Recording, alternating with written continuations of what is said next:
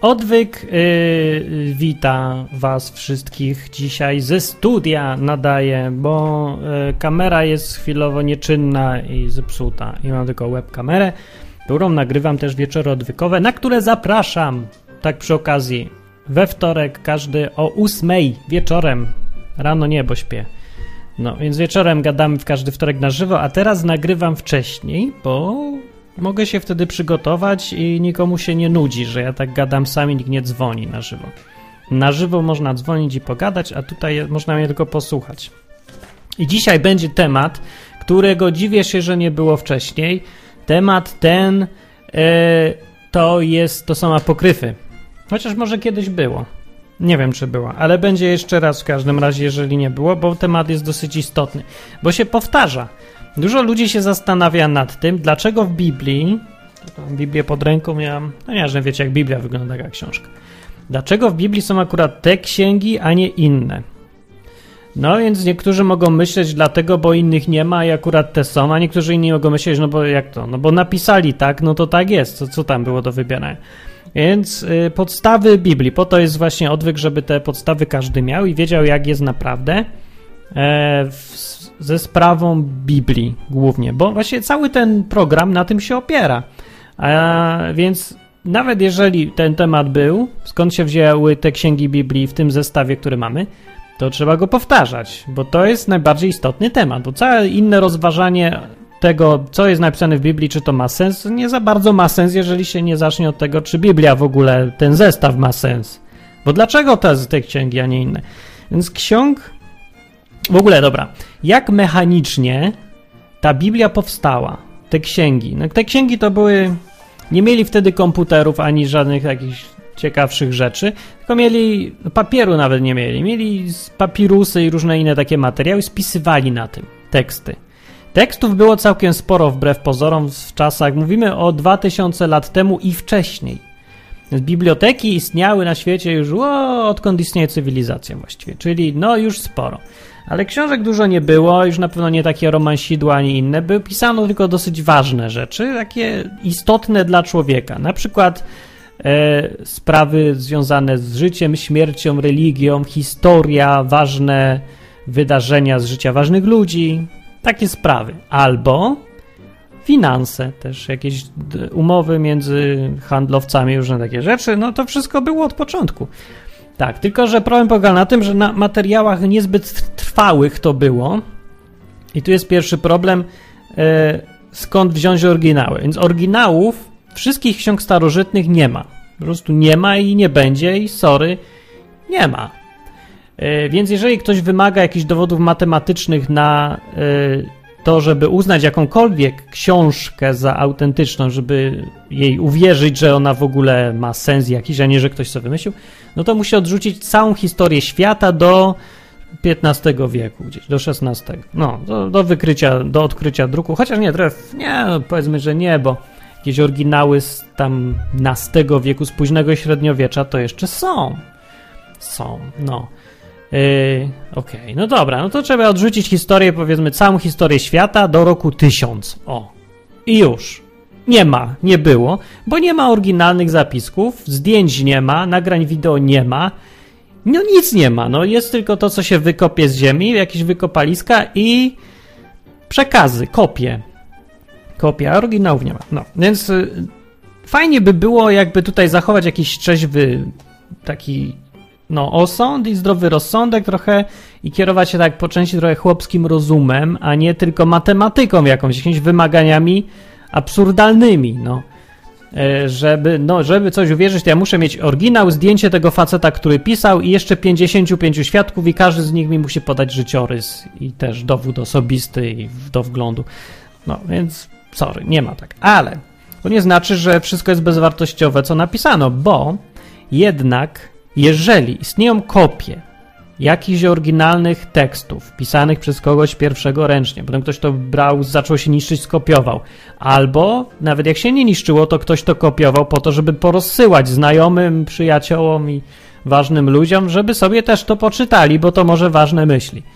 No więc te kopie po jakimś czasie one mogą być tutaj ktoś poprawi, tu ktoś coś pozmienia, tutaj ktoś bezczelnie w ogóle wywali i doda nowe. Więc one się trochę y, zatracają troszeczkę pierwotne znaczenie. Taki głuchy telefon się robi. To też trzeba wziąć pod uwagę. Ilość kopii też jest ważna, bo można je porównywać. Jest szansa, że coś zostało. Te ważniejsze dokumenty, dlatego łatwiej jest wziąć do kupy i uzbierać z nich ten oryginał, odtworzyć, co tam było na początku, no bo jest dosyć dużo materiałów. Dobra, ale wracając do apokryfów. Biblii mamy tak. w Starym Testamencie w ogóle cała Biblia składa się, wymieniam, e, pięć ksiąg mojżeszowych, Tora, w których jest historia świata od początku, historia od początku świata, od stworzenia, to ta najbardziej kontrowersyjna, co to taka trudno uwierzyć, no i w sumie i słusznie, że kontrowersyjna, bo raczej trudno świadków, którzy byli wtedy w czasie stworzenia.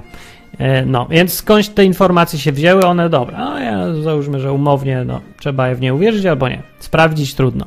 Potem jest historia starożytna, taka bardzo starożytna, którą też dosyć trudno sprawdzać jest. Zwłaszcza ta historia przed potopem. Potop w Biblii jest też dopiero gdzieś chyba, znaczy aż, albo no wcześniej jest, gdzieś w siódmym czy ósmym rozdziale Biblii, czy coś koło tego, dziesiątym, nie wiem, ale wcześniej, od samego początku licząc. Więc wszystko, co było wcześniej, e, według historii licząc latami, to zajęło, to, to były grube stulecia wcześniej. I nie ma o nich nic właściwie, tylko tych, tych rozdziałów jest siedem czy ileś. Niewiele po tym zostało. E, no, a potem się zaczyna historia skoncentrowana wokół człowieka, który się, który się nazywał Avram, a potem Abraham, a potem miał syna Ichaka, a ten miał syna Jakowa, którego nazwano Izrael i on miał y, potem kupę synów i z tych synów powstał naród. Y, taki koczowniczy na początku, a potem coraz bardziej osiadły i mieszkał sobie w ziemi Kanaan, koło Jordanu, nad morzem i tak. No, to jest Izrael. I ta historia się kręci. To jest pierwszych pięć ksiąg mojżeszowych. Potem są księgi proroków najrozmaitszych, bo byli tacy ludzie jacyś musieli być, no skoro po nich zostały te teksty. To są, a one są autorstwa najróżniejszych ludzi. I każda księga jest właściwie osobna. I to są księgi proroków i są pozostałe różne pisma. Na przykład Salomona, księgi Pieśń nad pieśniami, psalmy Dawida i parę innych tam. No.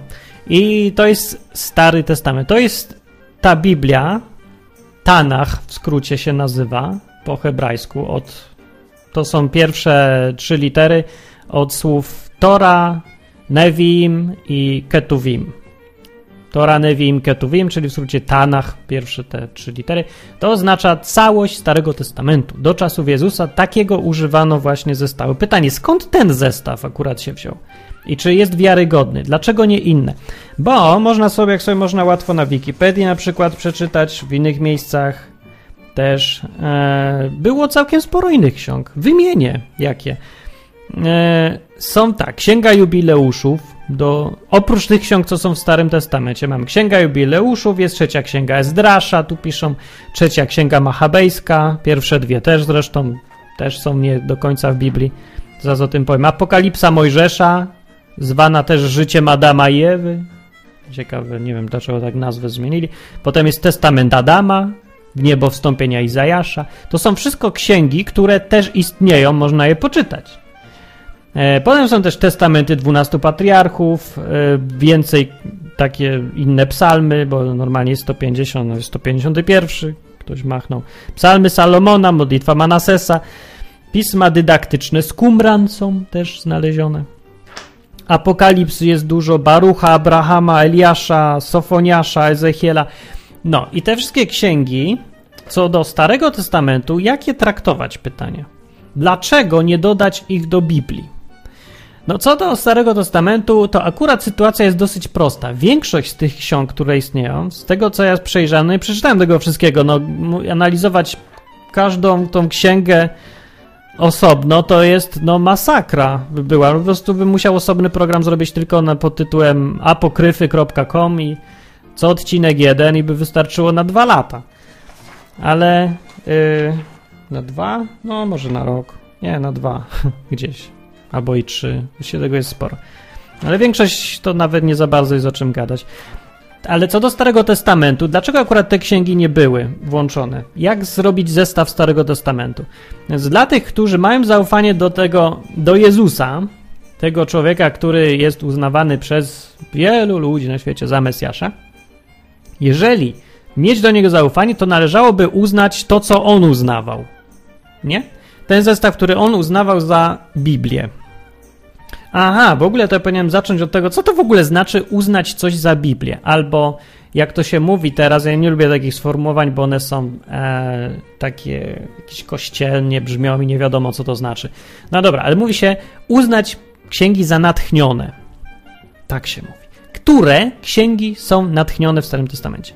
Co to znaczy, są natchnione? No dobra, technicznie to wygląda tak, że jest jakiś facet, bierze sobie coś do pisania, bierze jakiś materiał, pisze w jakimś swoim języku i jakimś swoim alfabecie. No dobra. Ale natchnienie tych ksiąg, to teoretycznie to jest taka koncepcja, że ten facet pisze, ale tak naprawdę mm, autorstwo prawdziwe jest od Boga. Czyli to, co tam jest napisane, jest tym, co Bóg chce, żebyśmy my mieli jako przekaz od Niego. Co niekoniecznie oznacza, że musi to być prorok, bo to jest najbardziej bezpośrednie. Prorok pisze tak: Tak mówi Pan. Jutro o godzinie 20 twój kot puści bąka albo coś innego nieważne i to jest bezpośredni przekaz od Boga i y, to są, tak to piszą księgi prorockie. I to jest natchnione, jeżeli ten kot rzeczywiście zrobi to, co miał zrobić.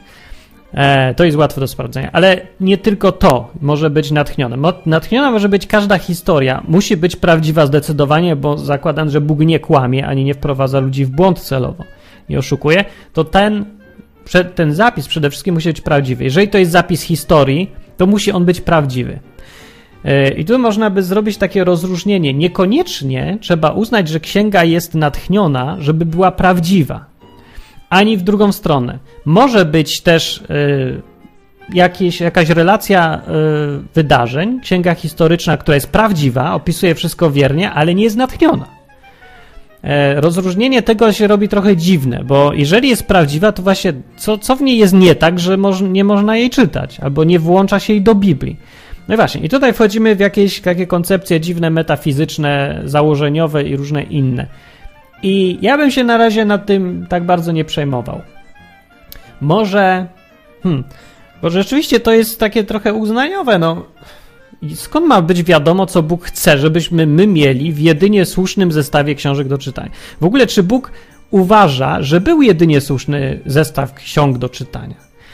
W Starym Testamencie, co ciekawe, starożytni bardziej ludzie i ludzie za czasów Jezusa nie uważali czegoś takiego. W języku hebrajskim nie ma czegoś takiego jak kanon Biblii. Nie używa się takiego sformułowania. Nie ma czegoś takiego jak jedynie słuszny zestaw ksiąg do czytania, a inne księgi są zabronione.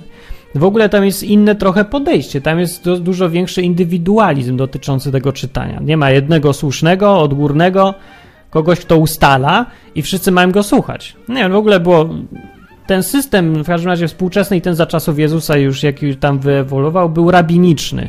To oznacza, że rabin jakiś to był taki guru lokalny, ale nie narzucający od góry swoich interpretacji, przekonań, zasad, czy tam zestawu na przykład ksiąg do czytania. On miał jakieś swoje koncepcje, a inni mogli słuchać, zastanowić się i podporządkować się temu albo nie. Uznać go albo go nie uznać. To taki musiał zdobyć sobie szacunek mądrością albo byciem dziwnym albo czymś tam innym. No. W każdym razie system jest trochę inny i trzeba to brać pod uwagę. E, może więc wynika z tego, że nie powinniśmy się, e, nie powinniśmy używać takiego słowa jak kanon Biblii, bo albo może nie powinniśmy używać słowa księgi natchnione. A może z trzeciej strony właśnie powinniśmy, bo właściwie w tym całym gadaniu o Biblii trzeba, nie można zatracić głównego kierunku. Po co my czytamy te księgi typu Biblia, Koran czy coś innego? No, po to, ja myślę, w każdym razie ja, żeby znaleźć odpowiedź na pytanie, czy jest Bóg, jaki jest Bóg i czego on ode mnie chce. Jeszcze, jak mam żyć, co się ze mną stanie po śmierci. Wszystkie sprawy związane ze mną w odniesieniu do Boga, życia i śmierci. Ja chcę znaleźć odpowiedź na to, ale głównie chodzi o to, żeby odnaleźć tego Boga, który jest, który stoi za tymi pismami, który chce się z nami kontaktować. No tutaj jest jakieś założenie, które trzeba przyjąć. Trzeba sobie założyć, że e, Bóg chce dojść jakoś do nas i mieć z nami kontakt. Jeżeli nie założymy tego, to w ogóle bez sensu jest mówić o jakimś natchnioności pism albo tym, że Bóg coś chciał powiedzieć przez to albo tamto, no bo jeżeli założymy, że ma to wszystko w nosie, to, to nie ma to sensu, nie? Więc okej, okay, takie założenie trzeba przyjąć, bo inaczej też w ogóle nie ma sensu gadać nawet w tym odcinku ani o apokryfach, ani księgach, ani w ogóle niczym tutaj związanym z Bogiem. Dobra, więc załóżmy tyle. E, jeżeli już to założymy, to, to w zestawieniu z tym założeniem, że Bóg nas chce z nami mieć kontakt, ten fakt i ten fakt, że istnieją pisma, które twierdzą, że e, w których ludzie twierdzą autorzy, że albo coś mówili od Boga, albo mówią coś o Bogu, albo dają jakieś relacje, że mieli kontakt z Bogiem. Te wszystkie pisma trzeba zestawić z tym Bogiem i no jak się to zestawi, to się dojdzie do wniosku, że Bóg być może, bardzo prawdopodobne właściwie, że któreś z tych relacji są prawdziwe i Bóg chce, żebyśmy to wiedzieli, żeby to było źródłem wiedzy o Bogu. No i to jest takie jakby umowne, takie na chłopski rozum przyjęcie, taka definicja sformułowania, że coś jest natchnione, no pisma są natchnione, czy Biblia jest natchniona. No ja to tak w każdym razie rozumiem i ta koncepcja jest taka trochę, no, założeniem. To ona nie wynika jakoś naturalnie, no, że no co, mam książkę, no, mam książkę, ktoś ją wydrukował, a wydrukował ją, bo ją gdzieś znaleźli, a znaleźli ją, bo ktoś skopiował, a ktoś skopiował, bo ktoś napisał, a ktoś napisał, bo Bóg mu powiedział. No i tak to wygląda, nie? Tak cała historia. I teraz to już jest moja trochę interpretacja i trochę moje założenie, że ta księga jest tym, co Bóg chce mi powiedzieć. Jak to sprawdzić? To jest główne pytanie właściwie. Sprawdzić to można na dwa główne sposoby. Właściwie dwa sposoby się dzieją. Pierwsze, dojść do tego rozumem. Drugie, polegać na tym, że ten Bóg, jeżeli ten Bóg stoi za tą księgą, to będzie potwierdzał tą księgę. Jedno podejście i drugie powinny prowadzić w tą samą stronę i jednym i drugim powinno się dojść do tego samego zestawu ksiąg, które należą do tej Biblii. A może też być tak, że Bóg niekoniecznie ma jeden zestaw na przykład dla wszystkich. Może też tak być. Albo może ma jeden zestaw dla wszystkich, ale niektórzy mogą sobie poczytać też inne księgi i też Bóg może z nich, za tych ksiąg do nich mówić. No może tak być. Więc tak to nawet trochę wygląda. Ten zestaw ksiąg, który mamy, to jest taki core, taki rdzeń w Starym Testamencie i przez, e, no to są, przez te wszystkie stulecia, ci wszyscy rabini, rabini, prorocy, królowie i zwykli ludzie, którzy, w których dyspozycji były te księgi Starego Testamentu, no to byli niestety Żydzi. Trzeba im zaufać trochę. Oni nie y, doszli do zestawu ksiąg, co do których nikt nie ma wątpliwości. I to jest taki najbardziej minimalny wspólny mianownik. To są te wszystkie księgi, które są częścią Tory, Nevim, Ketuvim, czyli Tanach, czyli Starego Testamentu, rdzeń. Są to tych pięć pierwszych ksiąg mojżeszowych, potem są prorocy Izajasz, Jeremiasz, Ezechiel, Daniel i dużo kupa takich różnych mniejszych, krótszych ksiąg, Amos, Sofoniasz i tak dalej. E, księga, księgi Salomona, dwie, i pieśń nad pieśniami jeszcze, e, psalmy, no nie? I co do tego tutaj wątpliwości nie ma nikt. No nikt nie ma, bo te księgi są spójne, te księgi mają e, źródło, które, co do którego nikt nie ma wątpliwości. No nikt nie twierdzi, że sobie ktoś wymyślił to wszystko. Jak twierdzi, to jest trochę niedouczony i niech se poczyta więcej.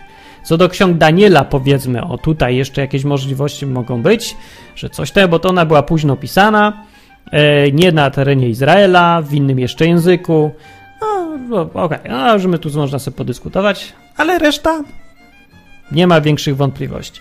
Ale co z innymi, dlaczego one nie są? Wracając do tego. Czemu nie są częścią zestawu i nie były włączane do Biblii? No więc tak, jest siedem ksiąg, które były włączone do Starego Testamentu, ale nie po hebrajsku, nie w tym hebrajskim e, zestawie ksiąg, który czytano, tylko w tłumaczeniu na grecki Septuaginta. Septuaginta nazywało się to tłumaczenie Starego Testamentu na grecki. Przetłumaczono to z tego powodu, bo e, ten, no, ogólnie literatura była dosyć popularną rzeczą, dosyć w miarę w niektórych kręgach, w każdym razie ci, co mieli czytać, co chcieli coś poczytać, a język grecki był tym, czym dzisiaj język hebrajski. Taki się zrobił gdzieś, no, od czasów podboju Aleksandra Wielkiego, właśnie całego świata znanego większości świata cywilizowanego, podbił Aleksander Wielki i narzucił tam grecki. E, grecki się zresztą sam się zrobił taki popularny, no bo języka raczej się nie da narzucić odgórnie. Musi być powód, że on zaczyna być popularny. I ten grecki stał się takim językiem angielskim e, i wszystko, co było warte czytania, tłumaczono na grecki albo od razu pisano po grecku. E, I przetłumaczono też Stary Testament, ale ci, którzy to przetłumaczyli, 70 tłumaczy, nie wiem, czy ich naprawdę było 70, ale to tłumaczenie się nazywa tak właśnie Septuaginta, tłumaczenie 70. Oni wzięli i przetłumaczyli to wszystko, co Hebrajczycy mieli w tym zestawie najbardziej popularnym i dodali siedem mniej ciut popularnych ksiąg, które trochę zastrzeżeń budziły, ale czytano je również. To są te wszystkie księgi, które są dzisiaj w Biblii Tysiąclecia. E, na synodzie trydenckim, o ile się nie mylę, w XVI wieku oficjalnie Kościół katolicki włączył te księgi do kanonu Biblii. No bo Kościół katolicki ma tu jednak odgórne ustalenia zestawu jedynie słusznego do czytania i włączył je sobie. No i teraz w Biblii Tysiąclecia one są. W innych tłumaczeniach y, niekatolickich, to znaczy nie, nie zatwierdzonych przez Kościół katolicki, bo nie, nie ma Biblii katolickiej i innej Biblia to Biblia, to jest zestaw ksiąg, ale wydawca się liczy i no. Więc y, inne księgi nie mają tych siedmiu ksiąg. Są księgi zwane wtórno-kanoniczne albo deuterokanoniczne. E, Hebrajczycy znali, że to są księgi zewnętrzne. To znaczy księgi, które nie, one przyszły jakby z zewnątrz. Są tak, dwie księgi machabejskie, księga Judyty, Tobiasza, Mądrości Syracha. E, co tam jeszcze mi, coś mi zabrakło. Byłem machabejskie? No, no dobra, nie pamiętam jeszcze tych pozostałych, możecie sobie porównać albo sprawdzić łatwo. Miesza z tym. Więc jak mówię, te księgi, one nie należy ich odrzucać całkiem. Znaczy, to jak ktoś je przeczyta, to się nic szczególnie złego nie stanie. To są księgi, które mm, nie są niezbędne do czytania. Żeby zrozumieć Biblię, to nie trzeba ich przeczytać. Jak nie przeczytałem i żyję, ale no ja wiem, co tam jest grubsza. Gdzieś tam czytałem kawałki, streszczenia i tak dalej. E, I y, no, mają tam pewne punkty, które są, są zgrzytają z resztą Biblii. To jest jeden z powodów, dla których nie uznano powszechnie tych ksiąg za część Biblii.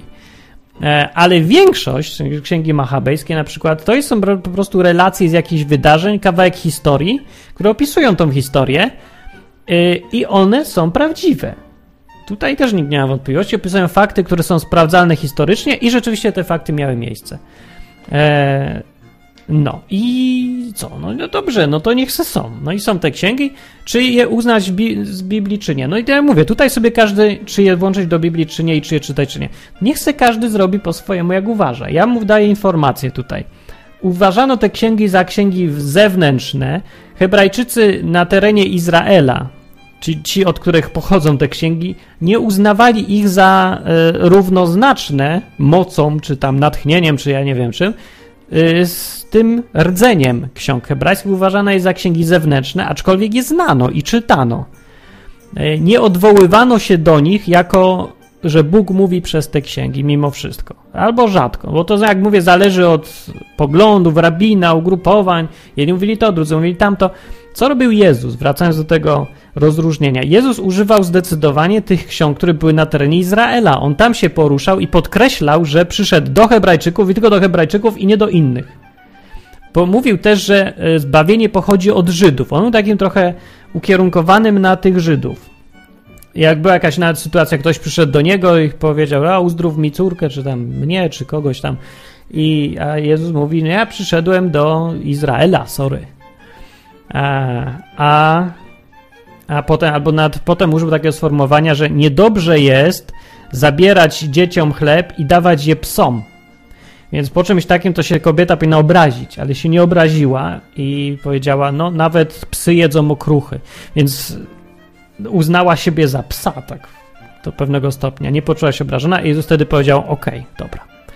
No więc chciał jakby to podkreślał, że przyszedł do tych Żydów i ma całkiem możliwe, że no nie jest to jakieś takie pewna interpretacja, ale wszystko wskazuje na to, że trzymał się tego jednak kanonu, który jest rdzeniem i co do których nie ma wątpliwości. Jak Jezus, jak Jezus się y, wyrażał o Biblii? Jezus mówił, pisma, prorocy i e, Tora. Mówił Tora, prorocy, głównie używał słów Tora i prorocy. Dokładnie tak, w taki sposób, w jaki to robili Żydzi jemu współcześni. Właściwie robił dokładnie wszystko, co robili Żydzi. Jezus był Żydem pod każdym względem i zachowywał też te zasady judaizmu, o ile nie były sprzeczne z Biblią bo się stawiał mocno faryzeuszom, którzy byli reprezentantami tego głównego judaizmu, który tego, który jest dzisiaj. dzisiaj dzisiejszy judaizm pochodzi od faryzeuszów. Oni to, to wymyślili większość z tych zasad, podejścia. Więc Jezus się tego trzymał, chyba, że był głupie, to stwierdził, że nie będę się tego trzymał. Ja się trzymam Tanach i pism i proroków.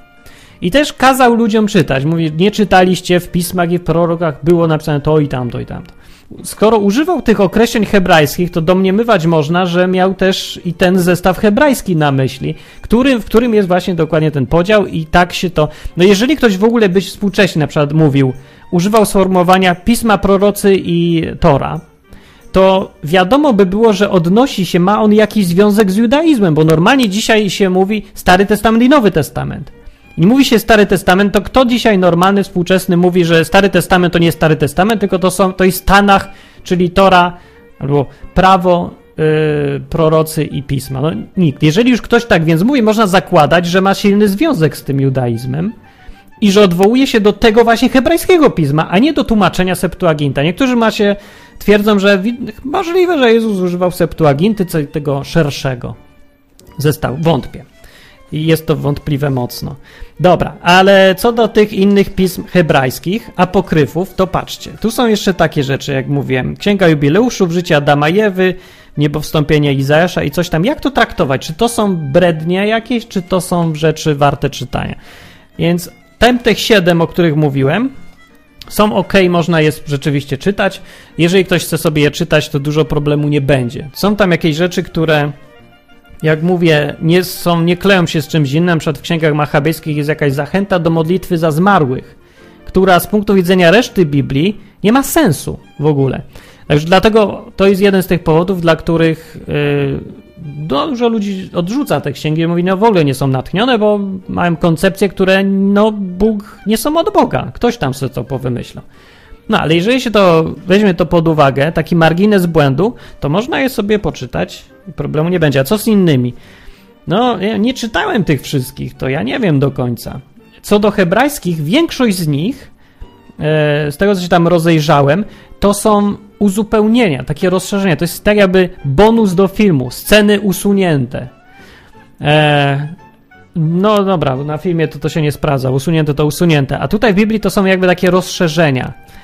E, źródła tych rozszerzeń nie wiadomo, czy były autentyczne, ale jakiś na pewno autentyk w nich był, bo one zbyt dobrze często pasują do całości i no, ma, no mają sens, jak się czyta. Kiedyś mówiłem o księdze Henocha, tutaj był odcinek, to jest jeden z takich apokryfów Starego Testamentu i jak się czyta i pozwoli się samemu tekstowi ocenić, na przykład niech mówi tekst, Oceńmy na podstawie tekstu, czy ten tekst ma sens, a nie na podstawie pochodzenia, datowania i innych rzeczy zewnętrznych. Niech sam tekst się obroni. To tekst się broni. No tekst pasuje do całości, uzupełnia historię z Biblii i no nie stoi sprzeczności. No ma tam parę różnych dziwactw po drodze. No może to jeden z powodów, dla których właśnie nie włączano tego do Biblii, ale czytano. Księga, Pro, Księga Henocha jest znana i nawet jest cytowana w Nowym Testamencie. Więc czytana jest i czytać w związku z tym chyba można, nie zawadzi, ale brać pod uwagę, że to jednak poza. E, co do listu, jedną z tych rzeczy znalazłem sobie w internecie też. Można właśnie, większość z tych apokryfów można znaleźć w internecie z tym, że po angielsku. Na przykład życie Adama i Ewy jest zwana apokalipsą Mojżesza. Nie wiem, ma piernik do wiatraka. I o ile, no, no jest tutaj parę rzeczy, które robią wrażenie, że ktoś sobie jednak jakieś historyjki dodał, powymyślał sobie sam ciąg dalszych historii, bo to tak kusi, nie? Że no masz w skrócie historię Biblii, ale gdzie te szczegóły? No zróbmy film na podstawie tego. Nie, albo wymyślmy sobie jakiś scenariusz, jak to było dokładniej. No i możliwe, że niektórzy tak to pisali i wymyślili sobie. Ale możliwe też, że spisano to na podstawie jakichś relacji czyichś tam rzeczywiście i no kto to może wiedzieć niby. Więc jeżeli kto to może wiedzieć, to tym bardziej warto się zapoznać, żeby sobie ocenić. A z drugiej strony, jeżeli się chce być ostrożniejszym, to można olać, bo tam nie ma rzeczy kluczowych żadnych. Ale co jest w tej apokalipsie Mojżesza, czyli życiu Adama i Ewy? Tutaj jest o tym, jak Adam i Ewa, co się z nimi działo po tym, jak wywalili ich z ogrodu Eden. No i streszczenie wam powiem, bo to ciekawa dosyć historia jest. Eee, no, więc tak. Po tym, aha, bo są dwie wersje. Jedna jest grecka, znaczy wersja, no tak, jedna jest grecka, która była spisana na podstawie czegoś tam i druga jest łacińska, która też była spisana na podstawie czegoś tam. E, I dzisiaj ktoś zebrał tych parę różnych tekstów, zrobił z niej jakąś wspólną z nich spójną wersję, można sobie znaleźć i poczytać. Wszystko w ogóle, co jest do czytania, to jest dzisiaj po angielsku, tak jak kiedyś było po grecku, więc bez znajomości angielskiego to no szczęścia życzę, dużo sobie nie poczytacie. Trzeba się najpierw nauczyć języka. Ale dla tych, co nie wiedzą, streszczenie będzie tak. Po tym, jak w wersji greckiej powiem, bo wersja łacińska jest już jakaś taka trochę za bardzo chyba głuchego telefonu było i tam się robi jakaś za dużo mitologii się tam zrobiło. E, no, ale różnią się co ciekawe tym, że grecka mówi tak, to jest taka pierwsza różnica. Po tym, jak ich wyrzucili z ogrodu Ed, wyrzucono z ogrodu Eden, Adam i Ewa poszli na wschód i tam sobie mieszkali. Wersja łacińska mówi, po tym, jak ich wywalono za, z ogrodu Eden, Adam i Ewa poszli na zachód. I okej, okay, no sobie człowiek myśli, okej, okay, no to fajnie, to są takie historyjki, że jak ktoś pisze na zachodzie historyjkę, to mówi, że a, to Jezus przyszedł do nas, do Francji i żył i pił wino i jadł sery, a jak ktoś pisze potem to w Polski, to mówi, że a, przyszedł do Polski i jadł pierogi. No. Więc to człowiek myśli, no właśnie. No i właśnie widzicie, to są te domieszki, także trudno, ale da się może z nich dojść do tego, że było to pisane na podstawie jakiegoś wspólnego rdzenia, bo obie te wersje mają bardzo dużo wspólnego jednak. Dobra, w każdym razie historia powiem grecką, bo ona tutaj bardziej bliższa się wydaje sensu. Historia mówi tak. Adam i Ewa poszli sobie na wschód i tam mieszkali 18 lat i 2 miesiące. Nie wiem, dlaczego dokładnie ktoś to wyliczył. Potem Ewa urodziła Kaina i Abla. I Ewa miała sen, że Kain pije krew Abla, ale a która no bo która wychodzi mu z ust ta krew potem. Nie, nie wiem, jakoś tak. Potem Kain zabija Abla e, i Archanioł Michał, który się tu ciągle pojawia w tej historii, obiecuje Adamowi nowego syna, a i urodzi się Set na miejsce Abla. I to się zgadza z Biblią rzeczywiście, właściwie wszystko. Nie? Tego typu są historie w tych apokryfach.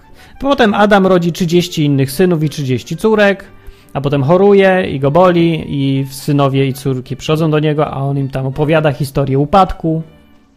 Co całkiem by właściwie znowu ma sens, nie? Ta historia w miarę. Jeżeli zakładać, że to, co w Biblii jest opisane, jest na podstawie czegoś konkretnego, to musiał ten Adam opowiedzieć swoim przodkom historię tego upadku.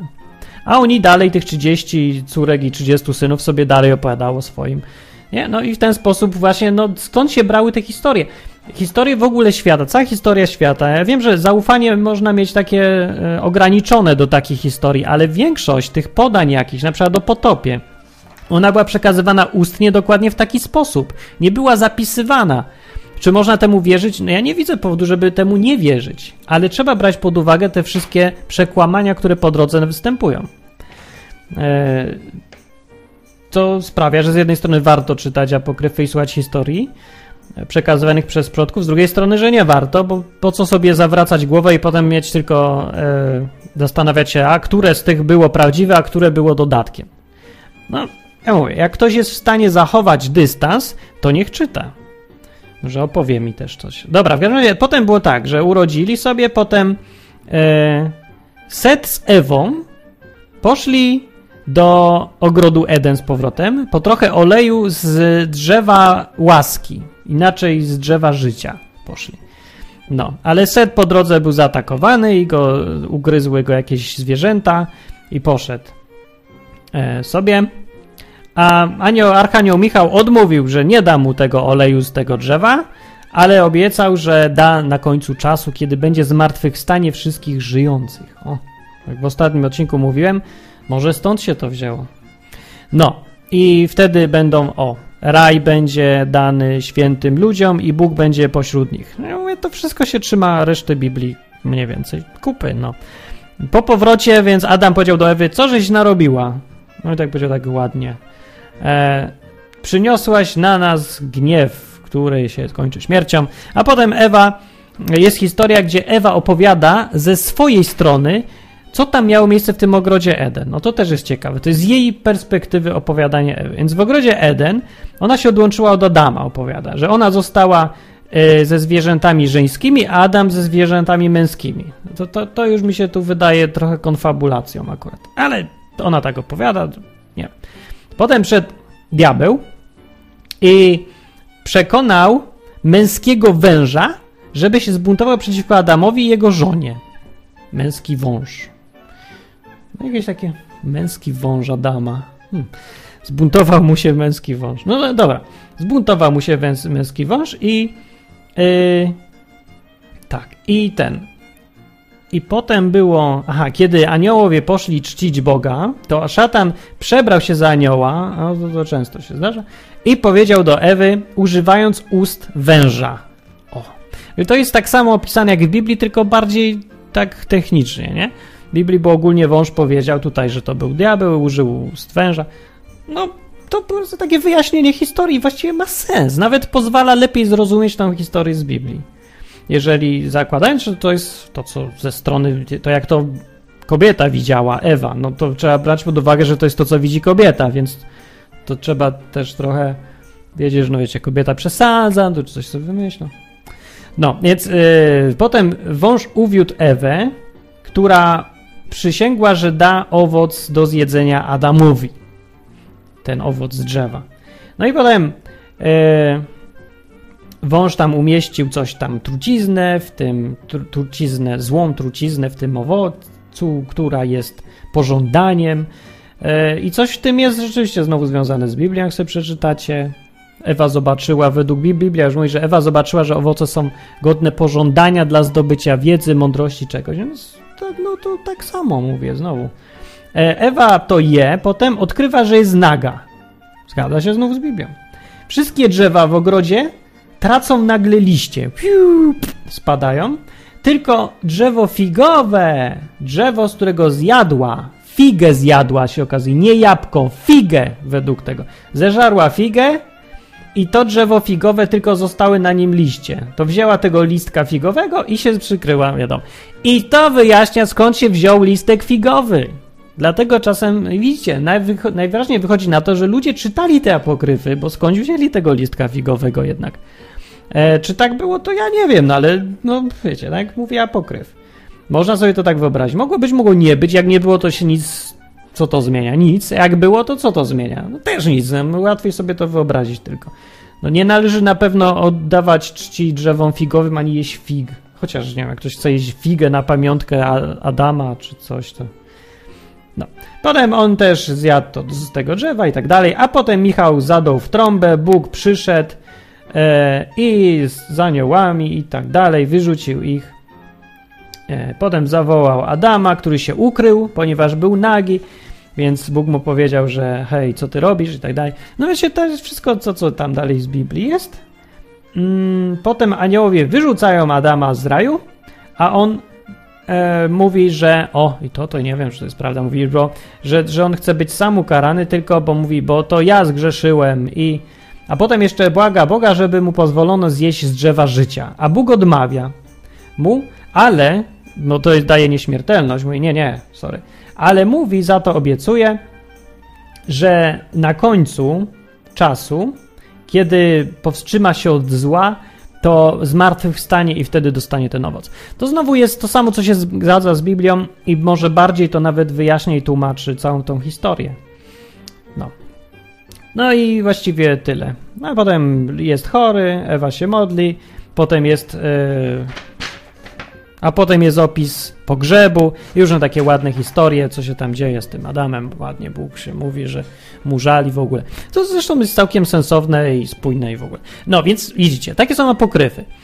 Yy, jeden przykładowy, podejrzewam, że inne z tych hebrajskich mogą być podobne. Część jest taka. Inne z kolei hebrajskie opowieści to są no, już bajki, bajki zupełne, e, do, co do których apostoł Paweł ostrzegał, żeby mm, ostrożnie z nimi nie czytać tych żydowskich baśni. On to nazwał żydowskie baśnie i rzeczywiście ich jest całkiem sporo. Akurat ten apokryf wydaje się całkiem sensowny, spójny i nie widać tu żadnych tam fantazjowania ponad to, co jest w Biblii. Właściwie to jest tylko rozszerzenie Biblii i można przyjąć, że nawet, nawet jakby to włączyć do Biblii, to no, czemu nie? Można. Mówię, można sobie to czytać obok Biblii.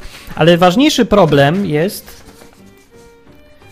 z Nowym Testamentem. Y, już kończąc o apokryfach, właśnie nie kończąc, tylko teraz przechodząc do Nowego Testamentu, to tutaj ludzie mają największy problem. E, Stary Testament, jak mówię, okej, okay, to było, właśnie to powinienem rozdzielić ten odcinek na dwie części, Stary Testament i Nowy Testament. To teraz będzie, o dobra, będzie dwie części, ale w jednym odcinku druga część, uwaga.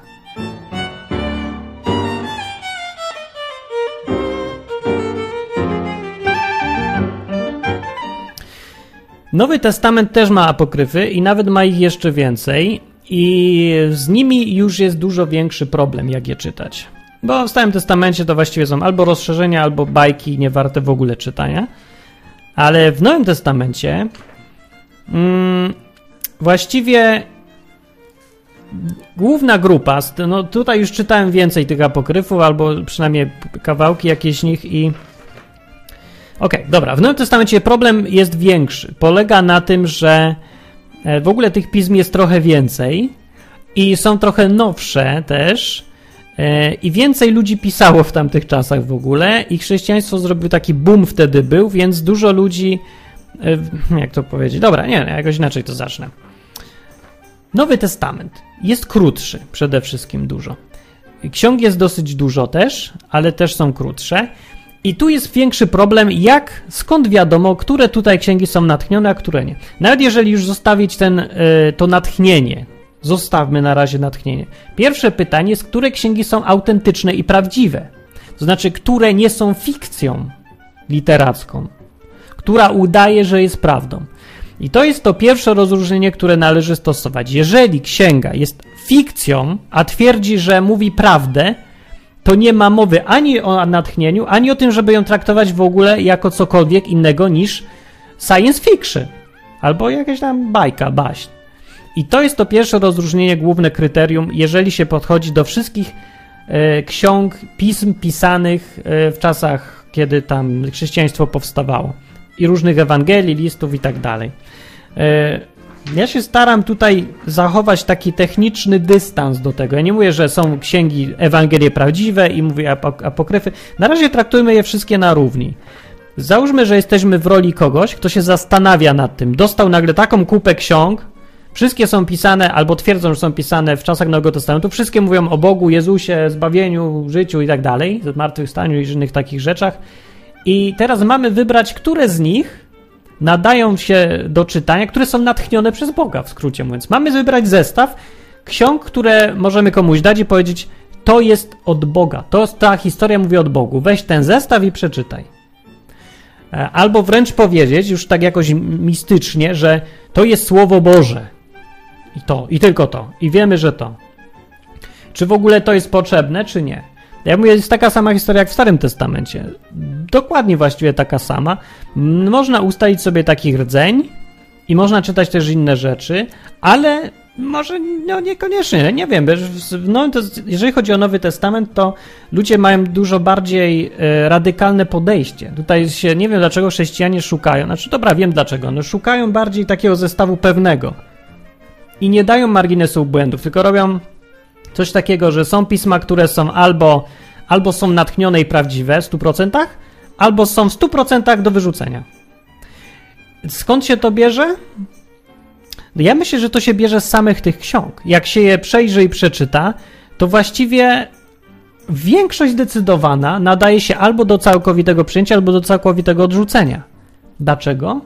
No już wam powiem dlaczego. Yy, najpierw powiem, zestaw przeczytam też za Wikipedią, chociaż są inne zestawy, ale to jest taki krótki i podsumowujący i każdy może sprawdzić, więc dlatego. Yy, bo tych, tego jest dużo więcej, ale najbardziej takie znane apokryfy, poza tym, co już jest w Nowym Testamencie. A co, aha, może zacznę od tego, co jest w Nowym Testamencie, dla tych, co nie wiedzą jeszcze.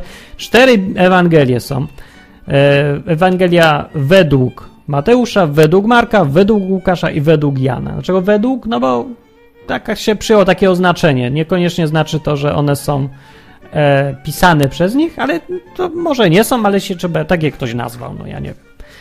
I już. Nie wszystkie mam podpisanego autora po prostu. Ewangelia Łukasza na przykład ma. Łukasz tam pisze, że to on pisze, ale inne nie ma. Czekajcie, dobrze mi? Jan też, on Jan też się tak podpisał. Dyskretnie, ale jednak widać, że to on pisał. E, dobra, no więc oprócz tych czterech y, są też inne przed Ewangelia. Bartłomieja, Filipa, Jana, jest inna wersja Jana. Judasza, znaleziona w 1978 roku dopiero i wydana drukiem dopiero w 2000 którymś taką zrobiła straszną renomę. A to jest akurat najmniejszy, najmniejsza kontrowersja, jeżeli o to chodzi. No, potem jest Macieja, Ewangelia Piotra, Tomasza, Ebonitów, Hebrajczyków, Nazarejczyków, Ewangelia Pseudo-Mateusza, to jest takie coś.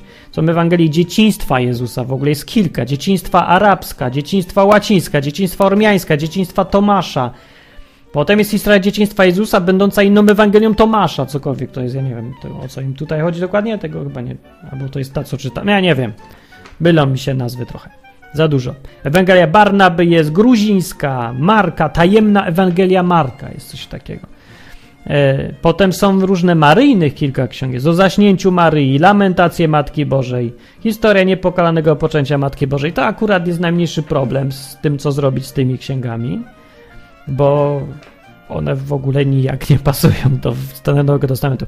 Potem są poświęcone innym postaciom Nowego Testamentu, na przykład Ewangelia Marii Magdaleny albo Nikodema, albo opowiadanie o ścięciu Jana Chrzciciela, żywot jest Jana Chrzciciela, są dzieje apostolskie Jana, Pawła, Piotra, Piotra i Pawła, Tomasza, i e, listy apostołów, są list Barnaby, listy, o listy są, listy Ignacego, listy Jakuba, listy Klemensa, to też czytałem przynajmniej w całości, Laodycejczyków i tak dalej. No, Apokalipsa Pawła, Piotra też jest. Kupa tego, nie? Strasznie dużo. I człowiek może się stwierdzić teraz, to jak, jakim cudem ja w ogóle mogę być pewny czegokolwiek?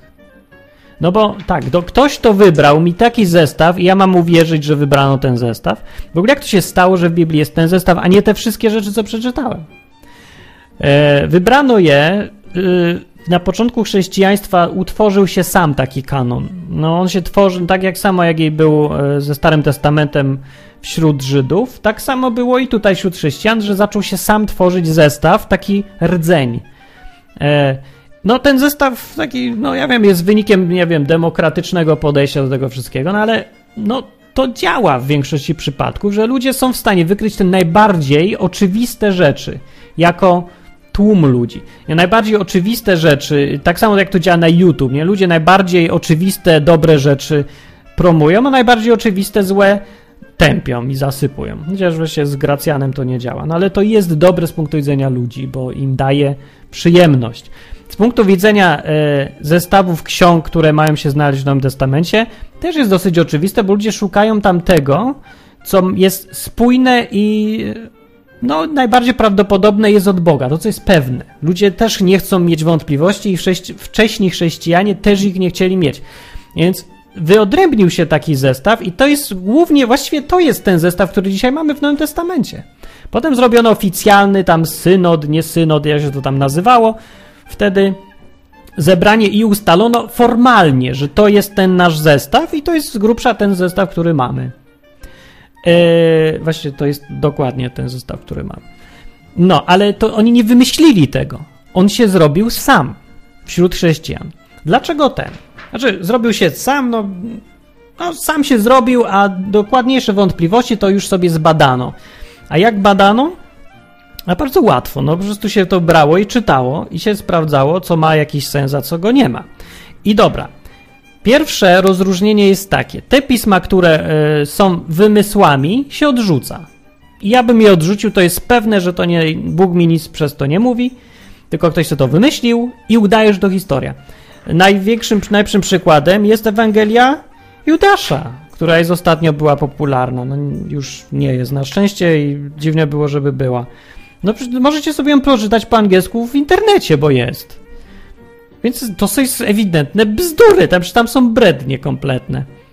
Znaczy jest historia tak, Ewangelia Judasza yy, w ogóle nie przypomina Ewangelii tych, które są w Biblii, ani sposobem pisania, ani narracją, ani podejściem, ani opisem. Właśnie co drugim zdaniu widać y, jakąś sprzeczność w tym, co jest w normalnych, znaczy w tych Ewangeliach czterech uznanych i reszcie właściwie Nowego Testamentu. Tak bardzo odstaje, że no, trzeba być kompletnie ślepym, żeby zestawić jedno z drugim. Nie ma w ogóle takiej możliwości, żeby móc dołączyć Ewangelię Judasza do całego Nowego Testamentu. Jedyna możliwość jest taka, żeby wywalić Nowy Testament i na to miejsce zbudować Nowy Testament, drugi, gdzie będzie Ewangelia Judasza, Ewangelia Filipa, Ewangelia Piotra, na przykład o historię dzieciństwa, Ewangelia Marii Magdaleny, Ewangelia Egipcjan, Apokalipsa Pawła i Piotra. Dlaczego akurat te? Bo te, które wymieniłem, yy, są bez wątpienia uznać je można za yy, gnostyckie teksty. I to jest drugie ważne rozróżnienie. Po tym, czy coś jest fikcją, czy prawdziwe, jak już mamy to drugie rozróżnienie, jest takie. Albo to pismo, które mamy Nowego Testamentu, jest gnostyckie, albo nie jest. I to jest chyba z połowa tego właściwie, co, co jest w tych pa, e, apokryfach. To, jest, to są pisma gnostyckie. Co to jest gnoza? To jest ważna rzecz. Ja tutaj mam gdzieś definicję. Miałem. Leży. Przerżnąłem ją znów z Wikipedii, bo tam akurat jest dobrze to napisane. Albo miałem, albo nie mam. O, mam. A nie, nie mam. No to będę musiał ręcznie wam powiedzieć, co to jest. Dziwne, niewydrukowane. Dobra, tak czy inaczej, gnoza. Eee, ja tak szybko powiem ręcznie? Powiem. Albo, o, nie, jeszcze raz sobie otworzę i przeczytam, co ja taki muszę mieć wydrukowane.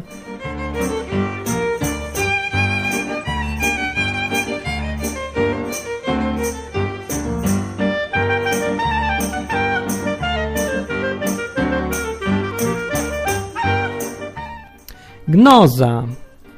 Gnoza. Yy, dlatego przeczytam, bo to jest hasło zupełnie jakieś nieencyklopedyczne, ale świadczy o tym, że chyba ten, yy, cieszy się popularnością to określenie gnoza. No dobra, ono jest tak po gnostycku trochę napisane, to całe hasło. Więc według Wikipedii jest to forma świadomości religijnej, system sprzeciwu, wyjście poza granice uznawanego porządku, Gnoza to wiedza przynosząca zbawienie. O, to jest dobre sformułowanie. Gnostycy głoszą istnienie prawdy hermetycznej, ukrytej. To jest kluczowe. Człowieka przedstawiają jako istotę uśpioną, pogrożoną w odrętwieniu. Wiedza oznacza przebudzenie. Gnoza odwołuje się do obrazu. Jej żywiołem są symbole. Więc to jest w ogóle hasło jakieś nieencyklopedyczne, ale to tylko w wersji polskiej tak wygląda. To jest jedna z słabość Wikipedii jednak, no tutaj. E, gnoza to jest taki pogląd, tak po ludzku mówiąc inaczej, że to powiem, spróbuję jakoś wyjaśnić. To jest pogląd, że istnieje taka tajemna wiedza. W ogóle gnoza oznacza ukrycie, coś tajemnego, coś tajnego, ukrytego. E, gnostycyzm. No. Dobra, gnostycyzm. To jest taki pogląd, że y, trzeba dojść do zbawienia przez wiedzę, przez zdobywanie tajemnej wiedzy, i ta tajemna wiedza nam te takie tajemnice, te spiski, te takie różne rzeczy, które się odkrywa, one nam dają jakiś kontakt, jakieś większe oświecenie bardziej, obudzają nas. No, na pewno to się wam kojarzy z tym e, nurtem, który się coraz popularniejszy robi w internecie ostatnio.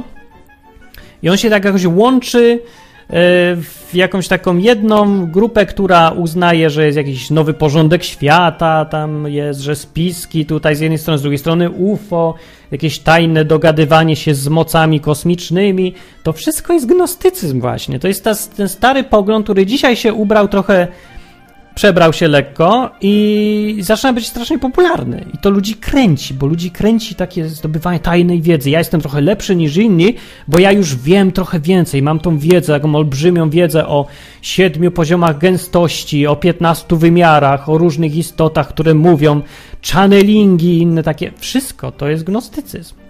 I te Ewangelie jestem absolutnie pewny, że cieszą się albo cieszyłyby się popularnością wśród dokładnie tych ludzi, którzy lubią te klimaty neognostycystyczne, jak się to nazwać. Te takie tutaj tajemna wiedza, tu spirytualizm lekki, no, jakieś bezpośrednie odbierania, takie, ta wiedza tajna, nie? Yy, która ma o przebudzić człowieka, to przebudzenie, to też ważne, ta świadomość, nie? Przecież wszyscy są nieświadomi, bo czytają głupią, zwykłą, starą Biblię, a my o, mamy tajne rzeczy. A propos, e, apokryfy też oznaczają właśnie ukrytość, ukryte coś tam. Apokryf jest, to słowo oznacza coś od ukrytego, pochodzi. No, yy, i cieszyłyby się na pewno te Ewangelie, które wymieniłem, popularnością wśród tych ludzi, bo one właśnie dokładnie to mówią. I w ten klimat są. Ewangelia Judasza to już jest taki czysty gnostycyzm, że się w pale nie mieści. Coś zaczyna tak, e, że był sobie Jezus, tam, tam skreszczenie, no dobra, był Jezus, wszyscy wiecie. I dalej jest tak, że no raz się spotkał z uczniami, i mówił, że o, ja mam tajną wiedzę, której wy nie możecie znieść, a oni mówią, a, mo, jak to nie możemy, możemy, jesteśmy silni, a oni mówi, nie, a on mówi, nie, nie jesteście silni i i popatrzył na nich i nikt nie mógł stać, nikt nie mógł stać przed nim, tylko Judasz mógł stać przed nim, ale nie patrzył mu na twarz, tylko tak odwrócił twarz, ale stał przed nim. O, Jezu mówi, o, ty, ty jesteś inny, ty możesz znieść tą wielką wiedzę tajemną, którą ja ci mogę przekazać, a inni nie mogą, bo to takie tempe są ciołki, które są zbyt religijne i mają ciasny umysł, a ty masz umysł szeroki, więc ja ci, Judaszu, powiem wszystko, bo powiem, kim jestem naprawdę, bo tak wszyscy nie wiedzą, kim jestem, tylko tak myślą, że wiedzą, a ja, ja ci powiem naprawdę.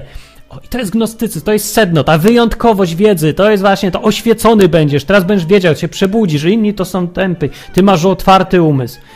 To kręci ludzi dzisiaj. Strasznie dzisiaj to kręci znowu ludzi i teraz tylko trzeba dorzucić tam UFO, tutaj spiski, tutaj korporacje tajne, tajne, wszystko tajne i tylko ty wiesz. Albo ty i paru nielicznych guru takie będziesz. No. I ja doczytałem to do momentu, jak ten Jezus z tego Ewangelii Judasza zaczął mu opowiadać, że jest. Właśnie Judasz powiedział, że on wie, że on jest nieśmiertelnym ze świata Barbelo, a potem zaczął opowiadać ten Jezus, że istnieje jakieś poziomy. Tych poziom zawsze, o, gnostycyzm zawsze są poziomy. Jakieś muszą być poziomy. Ileś poziomów niebios. W tych poziomach niebios są poziomy kurtyn, czy tam czegoś, chmur jakichś tam dziwnych, potem są eony, czy eonici, czy nie wiem jak to przetłumaczyć nawet. No, a z nich są aniołowie, a pierwszy anioł to jest właśnie ten Jezus, albo któryś tam z kolei. Wszędzie pełno numerów i odniesień różnych do jakichś takich abstrakcyjnych tworów, poziomów, podpoziomów, subpoziomów, międzypoziomów, oświeceń. W cholerę tego jest w Ewangelii Judasza. Ludzie, jak ktoś uważa, że to w ogóle można nawet zbliżyć do tego, co jest w dzisiejszym Nowym Testamencie, to jest porąbany. To się zamienił mózgiem z ostem. Czemu z ostem? Nie wiem z ostem, bo ost nie ma mózgu ogólnie. No, nie da się. To w ogóle jest nie ten klimat. Jak ktoś przeczytał chociaż kawałek Nowego Testamentu, jedną z tych Ewangelii i parę listów, to widzi zupełnie, yy, widzi to, że tam nie ma krzty gnostycyzmu w ogóle. Tam nie ma żadnych poziomów w Nowym Testamencie. W tym zestawie, który jest dzisiaj, ob obowiązuje. Nie ma mowy w ogóle o takim podejściu. Wszystko jest powiedziane. Nie ma, że jakieś są tajemnice tylko dla wybranych. W ogóle nie ma wybranych. Wszyscy w Nowym Testamencie są równi. Jezus to podkreśla. Wszyscy jesteście uczniami, wszystko wiecie i już. Jest tak dosłownie powiedziane takie zdanie. Wszystko wiecie. Wszystko wam zostało powiedziane. Inaczej jest też powiedziane, że jest Duch Święty, który wam wszystko powie. Takie jest podejście Nowego Testamentu i ono jest spójne we wszystkich księgach, jest dokładnie tak samo, w tym zestawie, który mamy. To jest jeden z tych powodów, dla których akurat te księgi wybrano, bo one się ze sobą nie kłócą, są zupełnie spójne. To nie ma, że jedna księga odstaje na przykład tym, że o, Judasza by odstawała, bo tam są przecież w ogóle rzeczy z księżyca wzięte, same jakieś tajne rzeczy. Nie ma jak żyć, tam jest tylko opis super tajności. A Judasz był tym super wybranym i teraz on będzie super, trzeba go, nie wiem, czcić, czy co właściwie robić. Trzeba też to się nauczyć, też się będzie super wybranym, będziemy otwierać umysły i się oświecać. Nie ma tego w Nowym Testamencie. I oprócz Judasza ksiąg są to samo robi się w Ewangelii Filipa, Piotra, Tomasza, historii dzieciństwa, to też są te klimaty. Egipcjan Ewangelii, Ewangelii Marii Magdaleny jest bardzo dużo, to sam klimat, no mówię i tych dwóch apokalipsach i jeszcze wielu innych tutaj, których ja tu nie mam.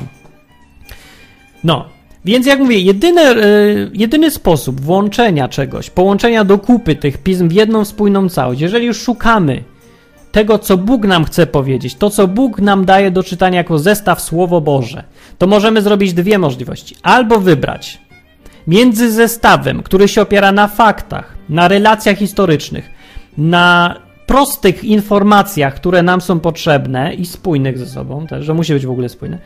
I to jest dzisiejszy Nowy Testament. To są te Ewangelie, które mówią relacje, opowiadają o Jezusie, który robił konkretne rzeczy yy, zrozumiałe i nie, nie wymagał poziomów oświecenia, otwierania czegoś tam. Yy, wszystko jest takie bardzo realne, przyziemne dosyć nawet, tak brutalnie przyziemne, jak się to czyta, bez tego nastawienia, żeby się doszukiwać ciągle tajemnic i czytania pomiędzy wierszami. To to jest dosyć proste tak, takie logiczne, takie możliwe do zrozumienia.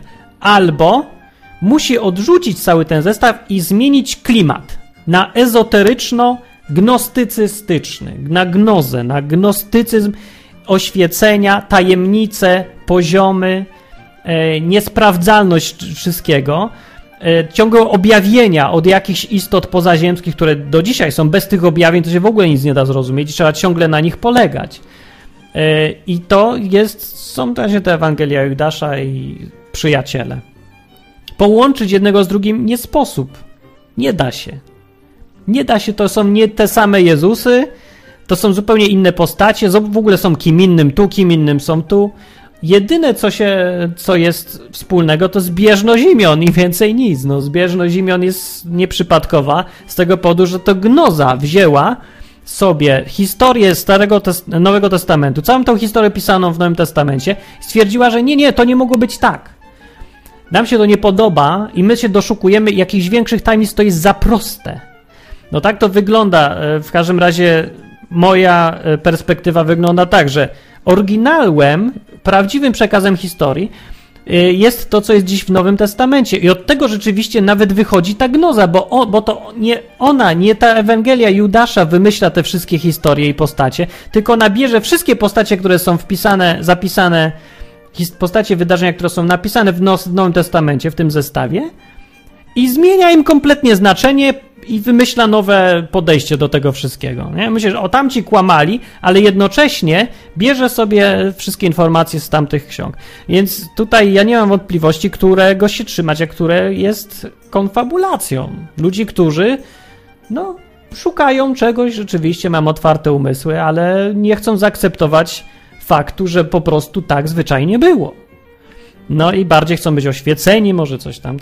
Nie wiem, no ja wiem, rozumiem te klimaty, no jak się jest młodym, zwłaszcza to bardzo to do człowieka dochodzi, żeby wszędzie są jakieś tajemnice. To była ta chęć ciągle szukania w apokryfach jakiejś większej prawdy niż ta, co jest w Nowym Testamencie. Nie ma szans, ludzie. Darujcie sobie to. No, no, ja mogę przeczytać wszystkie te Ewangelie tutaj, ale nie mam żadnej wątpliwości, że nie zmieni mi się nic szczególnego, jakiegoś ważnego w podejściu do Nowego Testamentu. To znaczy, już parę przeczytałem z tego, co wiem już do tej pory, y, apokryfów i Biblii, Biblię całą, to y, nie widzę podstaw w ogóle, żebym jakąkolwiek z tych y, gnostycyc, gnostycystycznych, tych, żeby z tych tekstów cokolwiek uznawać zawarte przemyślenia jako alternatywę dla Nowego Testamentu. Nie, to nie jest alternatywa, to nie jest dopełnienie, to jest śmieć.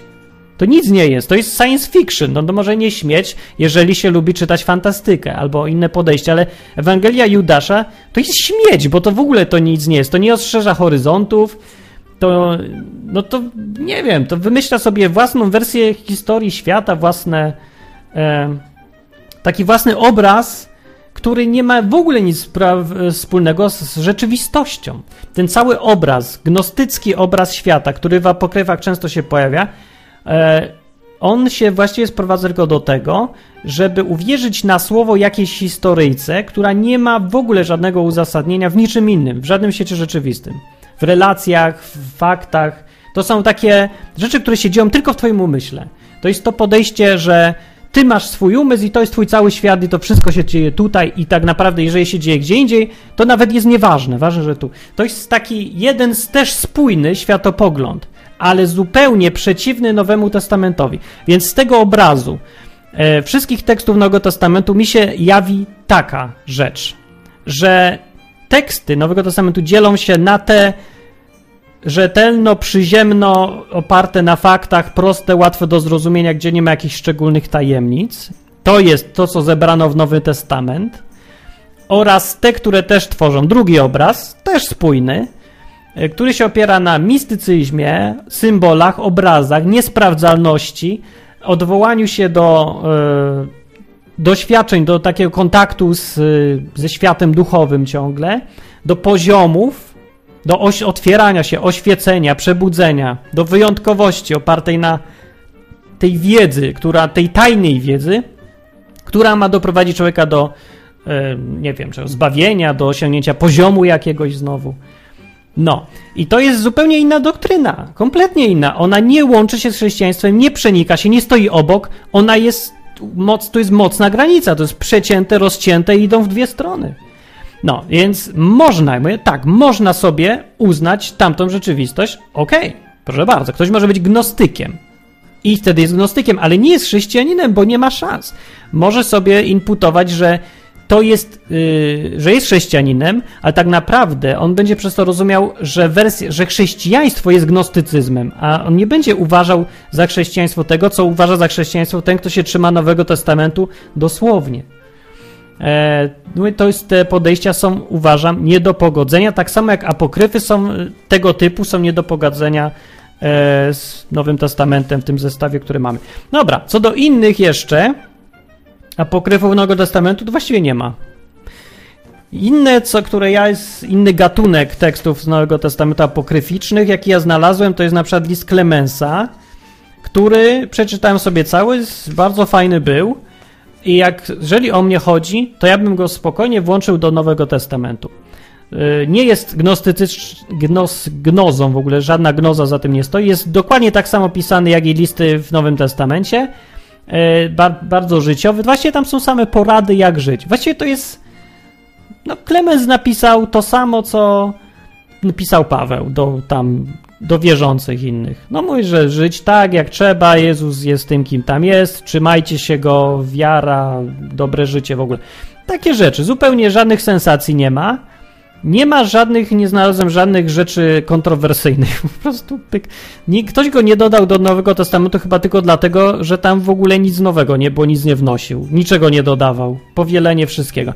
No i taki, możliwe, że jest więcej też takich, bo ja mówię, nie znam dużo aż tych tak dużo apokryfów. Możliwe, że jest więcej takich, które sobie można też spokojnie też poczytać. Tak jak te starotestamentowe jako dodatki, tak jak historia Adamie i Ewy, Adamie i Ewie, chociaż ona akurat wnosi parę nowych rzeczy, ale list Klemesa w ogóle na przykład niczego nie wnosi, ale do przeczytania może być też dobry, jak nie wiem, jak ktoś już przeczytał 55 razy Nowy Testament, to może sobie pomyśleć, no ja bym poczytał coś nowego. To wtedy niech przeczyta list Klemensa, e, po tym, jak już przeczytał listy z Nowego Testamentu, to mu nic nie będzie zgrzytać, bo już zna Biblię i zobacz, bardzo dobry list. Ja tak w każdym razie mówię. No więc to jest tyle, co ja mogę powiedzieć na temat apokryfu, więc podsumowując, gdybym ja miał wybierać zestaw nowy Nowego Testamentu, to wybrałbym ten sam, który jest.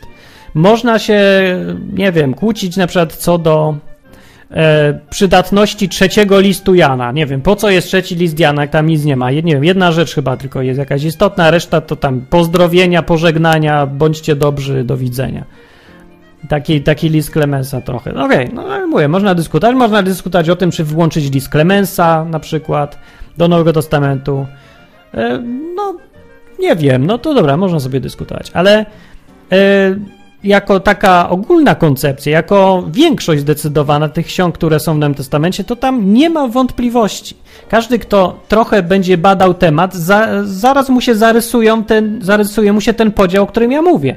Na część Nowego Testamentu, która jest jakaś taka, jaka jest dzisiaj, i na tą gnostycyczną, gnoz, gnozę, tą, te poziomy świadomości, otwieranie się, tajemnice straszne, które tam się odkrywa. No, które ludzie dzisiaj lubią, bo to jak mówię, kręci, dlatego popularność Ewangelii Judasza jest wśród młodych czytelników i widzów i słuchaczy wielka, bo tam jest, o, znowu tajemnica, tajemnica, odkryliśmy, że Jezus lubił Marię Magdalenę, czy tam to była jakaś inna Maria, nieważne jak Maria, to ważne, że Maria Magdalena, właśnie o niej nic nie ma w Nowym Testamencie, to tym gorzej dla Marii Magdaleny, bo jak o niej nic nie ma, to znaczy, że na pewno była jego kochanką.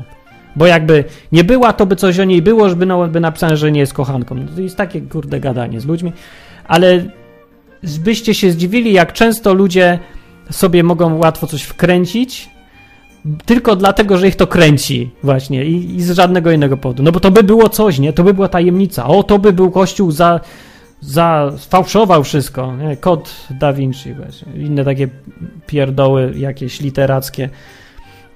No, więc takie historyjki jako historyjki mają może wartość rozrywkową, ale żadnej innej nie mają. E, czytanie tego polecam tym, którzy sobie chcą badać temat i poczytać. Ci, którzy szukają Boga pra prawdziwego, to ja mu proponuję, żeby nie tracili czasu na to na początku, bo na potem jak się wiesz, już coś wiesz, już tam tego się ustabilizowała sytuacja, można sobie dalej poczytać i poszukać. E, nie. E, nie widzę niebezpieczeństwa takiego w tym, że nie wiem, przeczytasz sobie Nowy Testament i już i pomyślisz, o ja chcę być tym Bogiem z Nowego Testamentu, po czym nagle trafisz na Ewangelię Judasza i stwierdzisz, ja okłamano mnie, zmieniam światopogląd, to wszystko bzdury, dopiero Ewangelia Judasza mi potworzyła oczy i ten. Jeżeli tak będzie, to znaczy, że mocno coś nie tak z twoim jest mózgiem, ale zakładam, że nie jest, więc ja nie znam nikogo, ani jednej osoby, ani pół osoby, ani cienia osoby, która by znając Nowy Testament dobrze, e, idąc za tym Bogiem z Nowego Testamentu, po przeczytaniu któregoś z apokryfów nagle miała wątpliwości jakieś związane z wiarą. Nie, ja, wszyscy ludzie, co do jednego, po, po przeczytaniu kawałków Ewangelii Judasza albo innych Marii Magdaleń, Magdalen, albo tam o dzieciństwie Jezusa, co był jak guru w ogóle indyjski. W ogóle Ewangelia Judasza jest pisana jakby to było, jakby to były Wedy, jakby to była jakaś religia wschodu. No to tak się czyta, przeczytajcie sobie po prostu, to trzeba samemu przeczytać. Dosłownie tak jest, guru powiedział to, o ty nie wiesz, a ja znam tajemnicę wszechświata. To, jak ten Jezus ten Ewangelii, tej Ewangelii opisuje, jak świat wygląda, budowę świata, to dokładnie to samo.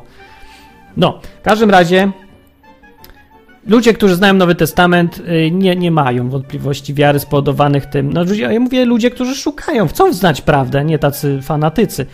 Y, te teksty apokryficzne nie wnoszą nic do sprawy naprawdę. Mogą być uznane w najlepszym wypadku jako ciekawostki i jako e, uzupełniające informacje. Tak jak ktoś oglądał film, to sobie bonus materiał sobie może poczytać, ale najpierw to trzeba znać film. Film to jest jednak ta, y, jest nieporównywalnie ważniejsze przeczytanie Nowego Testamentu dzisiejszego niż wszystkich apokryfów razem wziętych. Y, I nieporównywalnie większe y, pytania przed człowiekiem stawia Nowy Testament w tym zestawie, który dziś mamy, niż te wszystkie apokryfy razem wzięte odniesienie się do Nowego Testamentu jest czymś poważnym. To jest widać, że to jest tekst, nad którym się warto zastanowić, czy jest autentyczny, nie jest, czy ja chcę tego Boga z Nowego Testamentu, czy nie. Co do apokryfów, to tam nawet nie ma pytań za bardzo szczególnie, bo no, oni ani nie oczekują nic od człowieka, tylko wprowadzają jakąś, jakiś klimat tajemnicy i e, że no ja znam tutaj prawdę wielką o Bogu i no nie wiem. Ja mówię, żeby dokładnie mieć zdanie na ten temat, sobie możecie sami już przeczytać. Ostatecznym sprawdzianem, jak dla mnie, tego i najważniejszym właściwie, cały ten odcinek można już wyrzucić teraz do śmieci. Tak jako ciekawa, albo jako ciekawostkę traktować. Jeżeli ktoś chce przy tych założeniach z początku odcinka, które mówiłem, że się szuka Boga, że Bóg daje się poznać. Jeżeli ktoś chce znaleźć Boga i chce wiedzieć, czy ten zestaw ksiąg jest y, natchniony albo jest Słowem Bożym, czy Bóg za nim stoi, czy Bóg go potwierdza.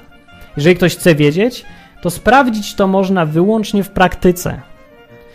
I nie ma właściwie innej możliwości. Według samego tego, o czym Nowy Testament mówi, dla, dla chrześcijan jest nie tylko wiedza, którą możemy zdobyć przez szukanie prawdy i szukanie tej wiedzy, ale jeszcze istnieje ten element ponadnaturalny, to jest ten Duch Święty, który miał być.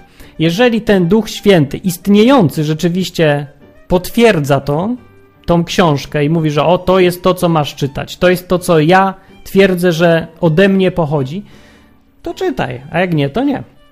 W każdym razie ta, ta, te dwa sposoby podejścia. Pierwsze potwierdzanie przez umysł, drugie potwierdzanie przez doświadczenie, przez kontakt z Bogiem, przez szukanie tego kontaktu z Bogiem, przez tego Ducha Świętego, który miał być, jest to, y, te dwie, te dwie drogi powinny prowadzić w jedno miejsce, można je równolegle stosować i powinny. Takie jest, taka koncepcja jest i ona się, no musi się sprawdzić, no musi się sprawdzić. Powinny doprowadzić do jednego miejsca i to jest to, co ta prawda, którą człowiek może odkryć o Bogu. Do odkryć znowu, to, to nie, że to jakieś tajemnicze rzeczy są właśnie, no ja nie chcę uskuteczniać tutaj gnozy. To ja mam nadzieję, że to, co ja mówię, to nie brzmi w taki sposób, bo to właśnie takie nie jest. To jest wszystko, co jest całą wiedza, którą mamy dostępną, jest otwarta, nie wymaga wiedzy tajemnej żadnej. Duch Święty to też nie jest to podejście gnostyczne, że o tajemniczy głos mi coś powie, coś tajemniczego, czego nikt nie wie. Nie, powie ci to, co i tak wszyscy wiedzą, i tak, e, tylko ty tego pewnie nie wiesz, albo powiedzą to, co i tak możesz sam znaleźć umysłem, ale może ci się nie chciała, może nie masz zaufania, może nie masz takiego umysłu. E, no, ale nie mówię, dobra. Tutaj się kończy teoria i zaczyna się praktyka. Jeżeli ktoś szczerze szuka Boga, to niech weźmie pod uwagę ten element też. Ten praktyczny, praktyczne potwierdzenie przez jakiegoś Boga, który istnieje niezależnie od tego, co my myślimy na jego temat. Niezależnie od tego, jakie mamy poglądy, jakiś Bóg tu dookoła się przejawia. Jeżeli sobie to założymy, to może się nie przejawia, nie wiem, no musimy zaryzykować. Żeby zaryzykować, najpierw coś trzeba założyć, a potem sprawdzić, czy się sprawdza. Więc do tego ryzyka zachęcam, bo co innego można zrobić właściwie. I tak, tą wiedzę, którą mamy, nie jest tak bardzo pewna. Na początku wiem, no to wszystko są kopie jakieś. To nie są że matematycznie pewne rzeczy, takie matematyczny sposób, że stuprocentowo udowodniono. Nie, tu jest zawsze jakiś pewien poziom prawdopodobieństwa. E, jakaś wiarygodność, coś jest pewne bardziej lub mniej, ale nie matematycznie na 100%. E, więc tak czy inaczej, zawsze, zawsze choćby się stanęło na uszach, wykopało wszystko, co jest, przekopało całą kulę ziemską, zawsze, żeby znaleźć tam dowody e, czy oryginały, to zawsze będzie element, gdzie trzeba niestety podjąć własną decyzję. Czy uwierzę w to, czy nie. A najpierw, czy zaryzykuję i pozwolę jakiemuś Bogu, który być może istnieje, potwierdzić mi, czy ta Biblia jest od Niego? Czy oleję to wszystko i stwierdzę, że nie wiem, wiedzieć nie będę i wiedzieć nie chcę. A nawet jak chcę, to nie będę, bo nie chcę w ten sposób wiedzieć. Nie ma niestety innego sposobu dla nas i zawsze będziemy skazani na niepewność. To jest już taki, no nasz niestety, no, to jest nasza specyfika życia na Ziemi. I tyle mogę powiedzieć. To był odcinek na temat apokryfów. Pamiętajcie o odwyku. E, nie mam kamery, ale będę miał w zupełnie niewiarygodny i niesamowity sposób na to wychodzi i będą następne odcinki na jakieś tematy. Dzisiaj o apokryfach będzie e, o 8 we wtorek 20 marca i w ogóle w każdy wtorek co tydzień na żywo o 20 na www.odwyk TV. Mówił Martin Lechowicz. A, jeżeli chcecie, żeby istniał odwyk, bądźcie sponsorami odwyku, bo, bo jak nie będzie sponsorów, znaczy, że to jest głupie i się nie nadaje do niczego. Może za długo gadam, może za bardzo chaotycznie, może za mało mam wiedzę. No może, to ma być podstawowa wiedza dla ludzi, którzy właściwie sami chcą szukać i sami chcą myśleć. Ja tu nie będę żadnym ekspertem wielkim. No, ale mogę czasami sprowokować do myślenia i poszukania. No, więc jeżeli ktoś chce być sponsorem, i chcesz, żeby odwyk żył, to na www.odwyk.com możesz być tym sponsorem. A na razie pisz komentarze i w ogóle mówię dobranoc, cześć, mówił Martin, pa, www.odwyk.com.